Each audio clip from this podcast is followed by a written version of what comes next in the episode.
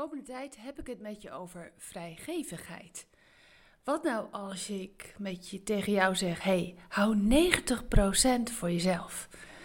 Dat, daar wil ik het met je over hebben. Stel je voor, ik wil mezelf echt verwennen en dan koop ik een taart bij de patisserie bij ons in de stad. Nou, ze maken echt ware kunstwerkjes. Zo lekker. Eenmaal thuis zet ik dan die taart op een etagère en ik ben alleen in de keuken. Mijn stoel schuif ik aan en met een grote eetlepel die ik in mijn rechterhand heb, neem ik dan een hele grote schep van die taart. De vulling druipt over de rand en hupsakee, ik neem echt zo'n grote hap. Ja, dat. En de rest van de familie? Nou ja, goed, kijk. We zijn gewend om een taart te delen, maar ik deed, ik eet er dan gewoon lekker alleen van. En dan dan komt mijn zoon de keuken inlopen.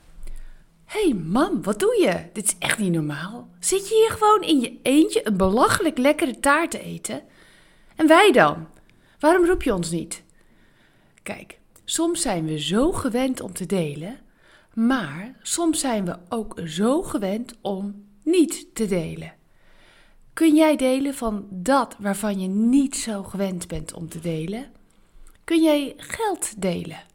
Kun je tijd delen? Kun jij bezittingen delen? Nou, dus ik pak een mes en deel de taart in, oké, tien stukken. Mijn zoon krijgt één stuk en ik de rest. Zo, nu blij schatje, zeg ik dan. Man, wat doe je? Dit is echt niet normaal hoor. God moedigt ons aan om één stukje van onze taart weg te geven. Wij kijken naar alles wat we hebben en vragen ons af: Huh?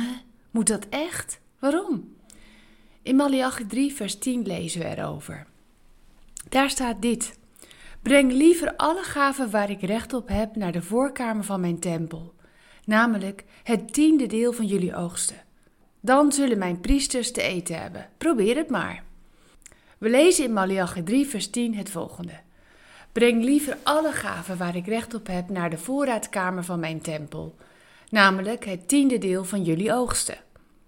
Dan zullen mijn priesters te eten hebben. Probeer het maar. let op, wat nu gebeurt het. Dan zullen jullie zien dat ik ervoor zal zorgen dat het goed met jullie gaat. Ik zal voldoende regen geven, zodat jullie oogsten zullen hebben. En de oogsten zullen zo groot zijn dat dat het allemaal niet meer in jullie schuren past. Je kunt het lezen, Malachi 3, vers 10. Wat zie je hier gebeuren? Breng een tiende deel en God belooft, ik zal het voldoende laten regenen. En de oogst zal zo groot zijn dat het niet meer in je schuur past. Durf jij te delen?